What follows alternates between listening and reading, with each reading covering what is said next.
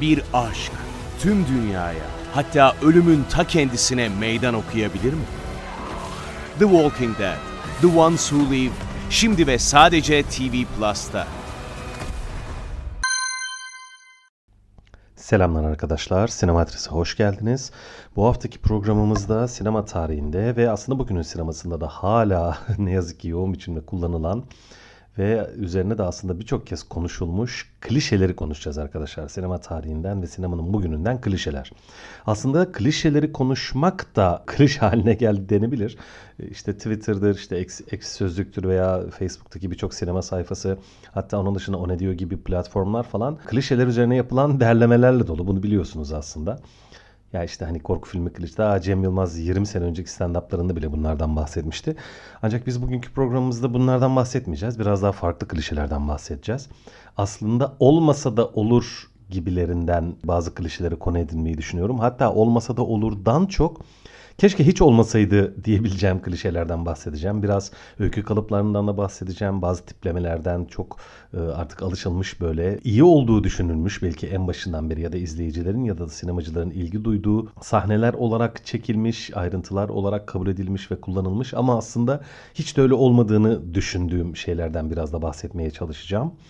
Şimdi hangisinden başlayayım? En başta e, şöyle küçük bir şey biraz daha diğerlerine göre biraz daha arkada kalan bir şeyden başlayayım arkadaşlar. Satranç sahneleri. Satranç sahnelerinin çok feci bir klişesi var. Acayip böyle. İki tane karizmatik karakter satranç tahtasının başında. Satranç oynuyorlar. Peki tamam. Bir yandan da bir, bir şey üzerine konuşuyorlar böyle. İşte o ona bir şey kabul ettirmeye çalışıyor. Bu buna bir şey kabul ettirmeye çalışıyor. Ve biri diğerine daha baskın çıktığında, daha etkileyici, daha karizmatik konuştuğunda onu mat ediyor. Ya arkadaş bu ya bu böyle nasıl hani e, mesela X-Men filminde vardı işte Charles Xavier'la Magneto'nun e, sohbetlerinde bu çok olur. Birçok bölümde vardır yani konuşurlar bir şey üzerine. İşte bir tanesi e, Charles Xavier biliyorsunuz mutantlarla insanların dost bir şekilde dünyada yaşayabileceklerini düşünür. Magneto ise bütün insanlara ölüm fikrindedir ve bu bütün bölümlerde karakterlerin karşı karşıya geldiği sahnelerde mutlaka bu gerilim yapılır ve satrancı da çok sever, sever bunlar. Düş, çok zeki böyle hem düşünsel entelektüel tiplerdir ikisi de böyle. İlk filmde de ikinci sanırım ilk filmin sonunda hapishane, plastik hapishane sahnesinde aynı şey vardı. Onun dışında başka filmlerde de var yani işte Blade Runner'da da var. Gerçi oradaki tabii farklı bir işlevde de onun dışında başka filmlerde de vardır bu. Bu ya bu nasıl çok etkileyici, karizmatik gibi geliyor böyle çift anlam gibi. Hani hem edilen sohbette karşıdakini bastırıyor bir karakter hem de satrançta yeniyor böyle çok etkili gibi görünüyor da bana hiçbir zaman etkileyici gelmemiştir. Ve bilmiyorum hani şimdi herkes tabii satranç e, bilmiyor olabilir veya satranç sevmiyor da olabilir de ben az çok satranç hayatımın bir döneminde de daha çok oynamış bir insanım. Satranç bilirim, severim yani çok iyi bir oyuncu olmasam da. Ya o, o sohbet sahnelerinde tasarlanan satranç hamleleri o kadar kötüdür ki, o kadar klişedir ki.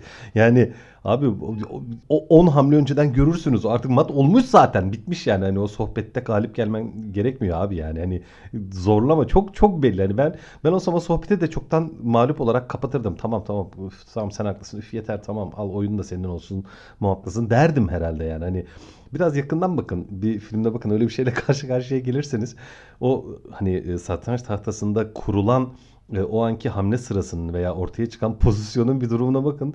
Yani gerçekten ilk yani ilkokul çocuğu seviyesindedir. Çok e, çok etkileyici gelmez bana. Eskiden beri gelmemiştir. Hiç, de etkileyici olduğunu düşünmüyorum. Ve çok da yapıldı yani. Çok da sıkıcı oldu. Şimdi başka bir klişeye geçeyim. Artık ben şahsen bıktım, usandım. Başka birçok izleyicinin de aslında e, bundan sıkıldığını düşünmeye başladım.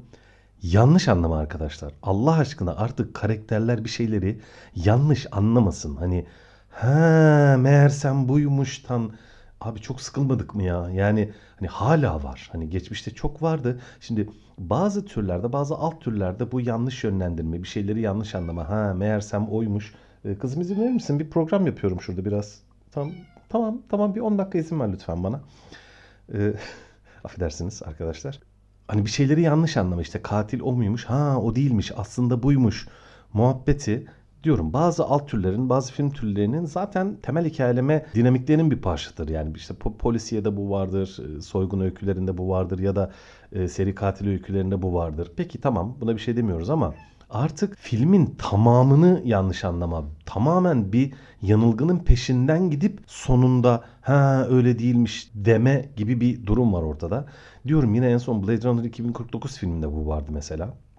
Hani sürpriz son arkadaşlar tamam güzel bir şey ama sinema tarihinde o kadar harika sürpriz sonlar var ki artık ne kadar sürpriz son yaparsa yapsın bir sinemacı, ne kadar ilginç yerlere taşırsa taşısın öyküyü bunun o kadar harika örnekleri vardı ki onun yanında hepsi sönük kalıyor gerçekten ve e, hani ya karakter e, başta doğru hani doğru anlayaydı demeyeceğim şimdi o tabii çok farazi bir e, şikayet olur ama çok şey böyle nasıl diyeyim ikna edici gelmiyor arkadaşlar. Alttan çıkan gerçeklik film boyunca izlediğimiz her şeyin boşa ya da gereksiz e, konuma düşürme kaybını karşılamıyor gibi geliyor bana. Ha bu böyleymiş. Ha o öyle miymiş? Ha biz onu öyle yanlış mı anlamıştık? Artık yeter. Bu gerçekten çok sıktı. Ve dediğim gibi çok da etkileyici olmuyor bence. Ve aynı zamanda bu yanlış anlama kadar da artık bir türlü yani kabullenemediğimiz şeylerden bir tanesi de söylenenlere inanmama. Film boyunca birileri bir şeyleri fark ediyor, anlıyor, görüyor ve insanlara inandıramıyor. Bunun yine en çok korku filmi klişelerinde vardır bu. İşte veya çocuklar, çocuk karakterler mesela. Hani çocuklar hep bizim göremediğimiz bir şeyleri görür görürler deriz ya. Çocuk bir şey görür ve söyler işte baba şurada şu var. işte anne burada bu var. Ben şöyle bir şey gördüm. Ha tamam falan filan deyip ki ya o abi çocuk doğru söylüyordu. Yani ne, neden inanmadınız ona? Gördü gör ya bir, bir kişi de inansın. Ha nerede ne gördün? Gel bakayım desin çocuğu, çocuğu elinden alıp onun olduğunu söylediği şeye bir bakmaya çalışsın bir kere de ya. Yani şu söylenenlere inanmama ya da şu eşek şakaları vardır ya yine korku filmlerde. Teen Slasher dediğimiz bu gençlerin e, kesici aletlerle öldürüldüğü filmlerde böyle korkutmak için eşek şakası işte. Yine yanlış anlaşılmaya geliyor biraz da böyle. Ha öyle miymiş? Ha şakaymış tüh falan. Gerilim yaratmak için. Artık bunlar diyorum korku filmi klişeleri zaten meşhurdur yani. Hani korku sineması kadar klişelere dayanan başka bir sinema herhalde muhtemelen yoktur. Bir de polisiye vardır belki. Onu ondan sonra hemen anılabilecek ama artık söylenenlere inanmama, bir insanların bir şeyi e, birilerine kabul ettirememesi ve sonunda onun söylediğinin gerçek çıkması da bence acayip sıkıcı oldu. Ya bir kişi de inan inansın ya. Yani bir de inansın ve söylenenlerden yola çıkarak bir şeyler yapılsın artık sinemada arkadaşlar. Cidden bunun çok eksikliğini çeken e, sinema severlerden biriyim ben. Şimdi yine biraz farklı bir klişeden bahsetmeye çalışacağım. Aslında bu da çok eski ama hala var. Hala var finalde olanları anlatma. Ya bu sanırım sinemadan da önce bir şey belki de edebiyatta vardı. En çok da Agatha Christie öykülerinde vardır. Amatör dedektiflik filmlerinde vardır. İşte böyle büyük bir köşkte, bir malikanede falan böyle bir sürü karakterin bir arada olduğu yerde bir işte cinayetler işlenir. Kim işte katil uşak çıkar ya. Hani en, en, en klişesidir arkadaşlar. Hani uşak, katil uşak yani. Ya orada her şeyi anlatırsın. He, şu şöyle oldu. Ben bunu işte şöyle kıskanıyordum. O bana bir zamanlar şunu yaptı. Ben de çaktırmadan geldim bu eve uşak oldum. İntikamımı aldım falan vesaire. Peki tamam. Abi yakalanmışsın ya müebbet hapis ya asacaklar seni yani. Hani polis gelir yakalar ve o da açıklar işte bundan oğlum sormadık lan. Bitti bitti bitti artık. Yani sen yakalandın kime ne anlatıyorsun? Kahraman seni yakala hayatın yanmış hayatın bitmiş. İntikamını da al alamamışsın ya da atıyorum aldıysan da yakalandın zaten. Yani yakalandıktan sonra ne kıymeti var gibi bir durum çıkıyor ortaya. Ha, tabii hayatını ona adadığı için yakalanmak ya da öldürülmek de önemli değildir. Hani o artık hedefine ulaştığı için işte anlatacak ki aslında mesaj şeye erişsin, kitleye erişsin gibi bir durum var ama eski filmlerde daha da çok vardı diyorum. Agatha Christie romanlarında bu vardır. Hatta Dan Brown'dan uyarlanan e, şeylerde bile vardı. Da Vinci Code'da falan da vardı yanlış hatırlamıyorsam. Anlatma. Şu şöyleydi, bu böyleydi, şunu şöyle yaptık, bunu böyle yaptık. Bu bir de şöyle bir aslında ayrıntıya geliyor. İzleyiciye bilgi verme repliği diye de bir şey vardır. Hani şimdi tamam herkes filmi çok yüksek konsantrasyonla izlemiyor olabilir. Karakterlerin motivasyonunu, o sahnenin diyorum altındaki anlamı, o sahnenin niyetini ya da filmdeki durumunu, pozisyonunu çok da herkes anlayamayabilir insanlar. Hani e, öylesine film izliyor bazen. Sadece eğlenmek için ya da işte öyle boş zaman doldurmak için izliyorlar. Herkes çok yüksek konsantrasyonla filmi izlemiyor olabilir ve hani e, bir filmi izleyenin hani entelektüel olsa da olmasa da sinemaya yüksek konsantrasyonla yaklaşıyor olsa da olmasa da olan biteni anlamasını istiyor tabii sinemacılar. Hani bunda bir yanlış yok ama bazen öyle kör gözüm oluyor ki of yani izleyiciye bilgi verme repliği bütün doğallığı, sahnedeki gerçekliği, akışı her şeyi ortadan kaldıran çok can sıkıcı bir şey oluyor. İşte bu finaldeki her şeyi açıklayan kötü adam klişesi de biraz bundan besleniyor. Bunun hatta böyle tap yapmış denir. Hani zirve yapmış hali olarak görülebilir. Ee, bir başka klişe de insanların özel hayatları ya da e, partner tercihleri ya da yaşadıkları ilişki tercihleri iyi ve kötü adam e, ayrımı açısından o kadar fazla belirleyici oldu ki arkadaşlar geçmişten beri o kadar e, ahlakçı bir bakışla tabi hani e, çok geniş kitlelere hitap eden sinema zaten biraz ahlakçıdır, biraz muhafazakardır. Hollywood'da bu vardır yani çok net biçimde vardır hem de. Sadece hani e, milliyetçi anlamda demiyorum hani Amerikan milliyetçiliği yapar zaten Hollywood çoğu zaman da onun dışında da bu ahlakçılık e, son yıllarda aslında biraz rahatladı bu açıdan sinema. O da 2000'ler sonrası sinemanın iyi taraflarından bir tanesi bence. Artık öyle illa bir karşı cinse böyle işte aşık olup tüm hayatını ona adayan. Yani sadece kızı kurtarmak için dünyayı kurtaran kahraman klişesi eskisi gibi değil artık. Bundan biraz kurtulduk ama bir aşk tüm dünyaya hatta ölümün ta kendisine meydan okuyabilir mi? The Walking Dead, The Ones Who Live, şimdi ve sadece TV Plus'ta. Çok eskiden beri hep böyle evlilik dışı cinsellik yaşayan bütün karakterler kötü karakterlerdir arkadaşlar. Dikkat edin. Bir karakteri kötü karakteri böyle tanıttığı anda, bir gösterdiği anda filmde illa böyle yanında çok seksi kadınlar, tercihen birden çok kadın falan böyle. Ondan sonra mutlaka böyle kontrolsüz, rahat böyle bir cinsel hayatı vardır kötü adamların genellikle. İyi adam da hiçbir şekilde cinsel hayatı yoktur. Yani hani hani ya eşiyle çok mutludur. Hani güzel bir aile hayatı vardır. Tabii ki tek eşlidir ve evlidir. Ya da bir sevgilisi vardır. Ona tamamen bağlıdır. Böyle ölüyordur onun için, geberiyordur. Onun için yapmayacağı şey yoktur. Onunla evlenmek istiyordur. Yani her şekilde tek eşli ve hayatında tek bir kadın var. Hayatında başka hiç kimse yok neredeyse. Hayatındaki en değerli ve en önemli şey o. Ve hatta çoğu zaman felaket filmlerinde bunu çok görürüz. Bir ailesi olmayan ya da sevdiği bir kadın olmayan bir erkek çoğunlukla harcanabilir bir karakterdir. Hani bu bekar, bu ölse de olur. Çok sorun değil. Kurtaracağı bir ailesi de yok ya da kurtaracağı bir kadın da yok. Ya bunu harcayabiliriz. Bunda sıkıntı olmaz gibi bir garip bir denge var bu filmlerde de bu tip bir işte diyorum son yıllarda bu biraz kırıldı mesela. Hani atıyorum ilk akla gelenlerden bir tanesi Tony Stark mesela. Hani zaten biraz serseri bir adamdır. Biraz böyle zeki fırlama böyle gece hayatına düşkün yemeği içmeye eğlenceyi düşkün falan. Hani işte Iron Man meşhur, çok zengin, böyle hazda, zevkte. Hatta biraz sıkılmıştı artık bunlardan böyle. Kendimi kendisini iyice böyle e, çok olağanüstü bir deha olduğu için tabii çok zeki bir adam olduğu için kendini icatlara falan filan vermiş ama bir yandan da eğlenceyi arka plana atmayan ve işte kendisiyle röportaj yapmaya gelen çok seksi, hoş bir e, gazeteci kadınla hoppa yatağa giriveren falan böyle bir adamdır örneğin. Sinemanın geçmiş dönemlerinde Tony Stark gibi bir karakter bu, bu, muhtemelen hmm, bak edepsize bak terbiyesiz adam falan hani ya o One Night Stand hani o kadar irkiltici, o kadar böyle insanların kabul ede, kabullenemediği bir şeydir ki iyi adam yapınca tabii hani kötü adam yapabilir. Kötü adam her gece biriyle birlikte olabilir ya da tırnak içinde kötü kadın zaten hayatında bir sürü seks partneri olabilir. Onda bir sıkıntı yoktur ama iyi insan, iyi adam, filmdeki iyi karakter, iyi kadın asla böyle bir şey yapamaz. Böyle bir şey yapmaya da hakkı yoktur. Mümkün değildir yani.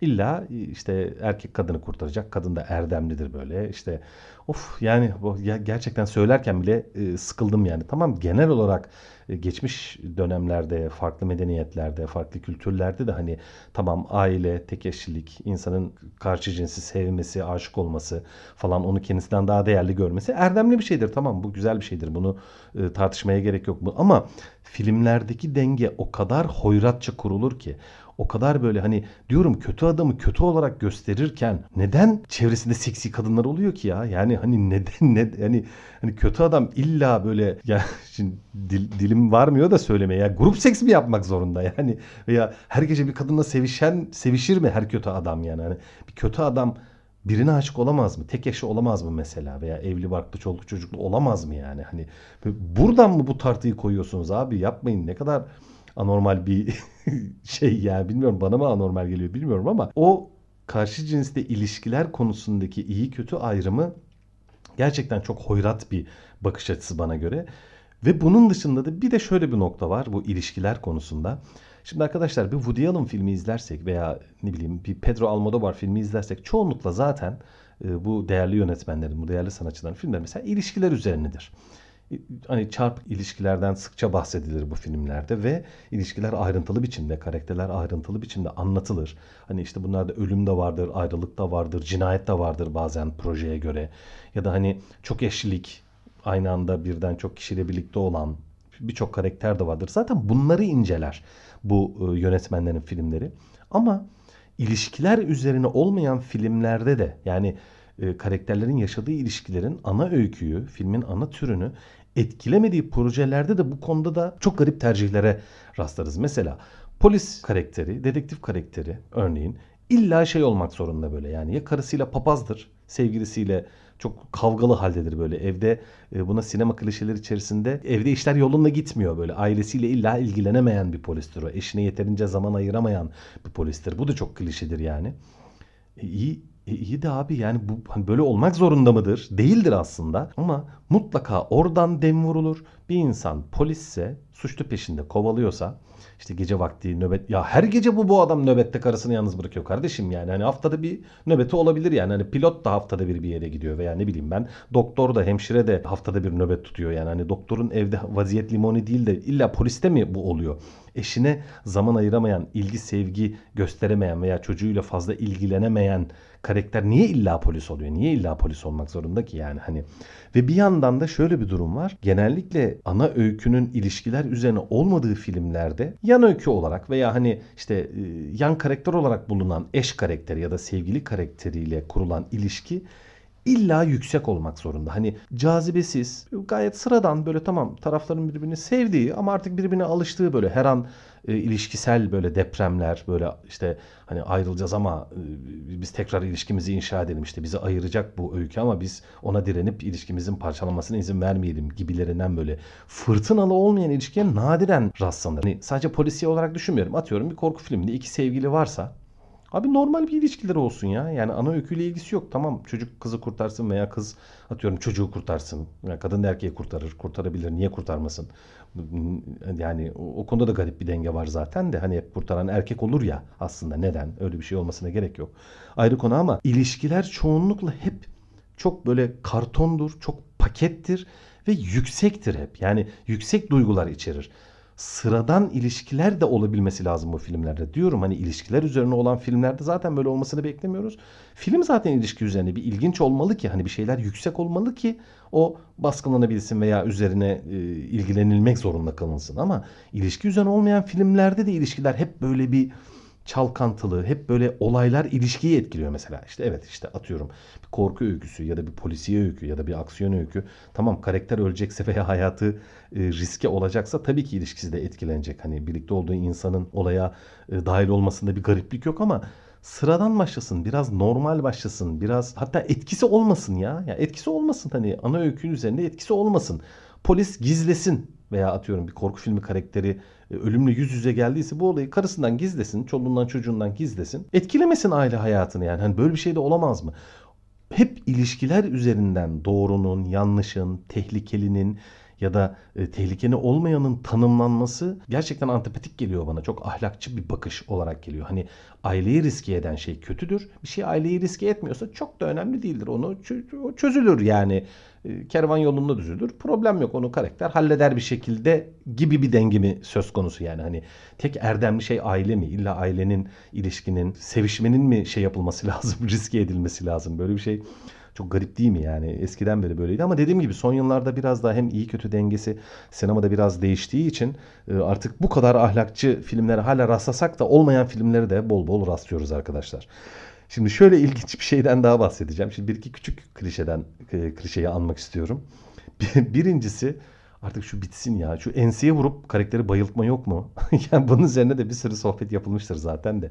Abi kimse bayılmaz öyle ya. Yani Bayılır mı? Bayılmaz. Yani onun özel bir yeri mi var acaba? Hani tam şuraya vuruyorsun da karakter bayılıyor böyle. Bunda muhabbeti çok yapılmıştır. Çok uzatmayayım ama gerçekten çok sıkıcı artık bu olmasın.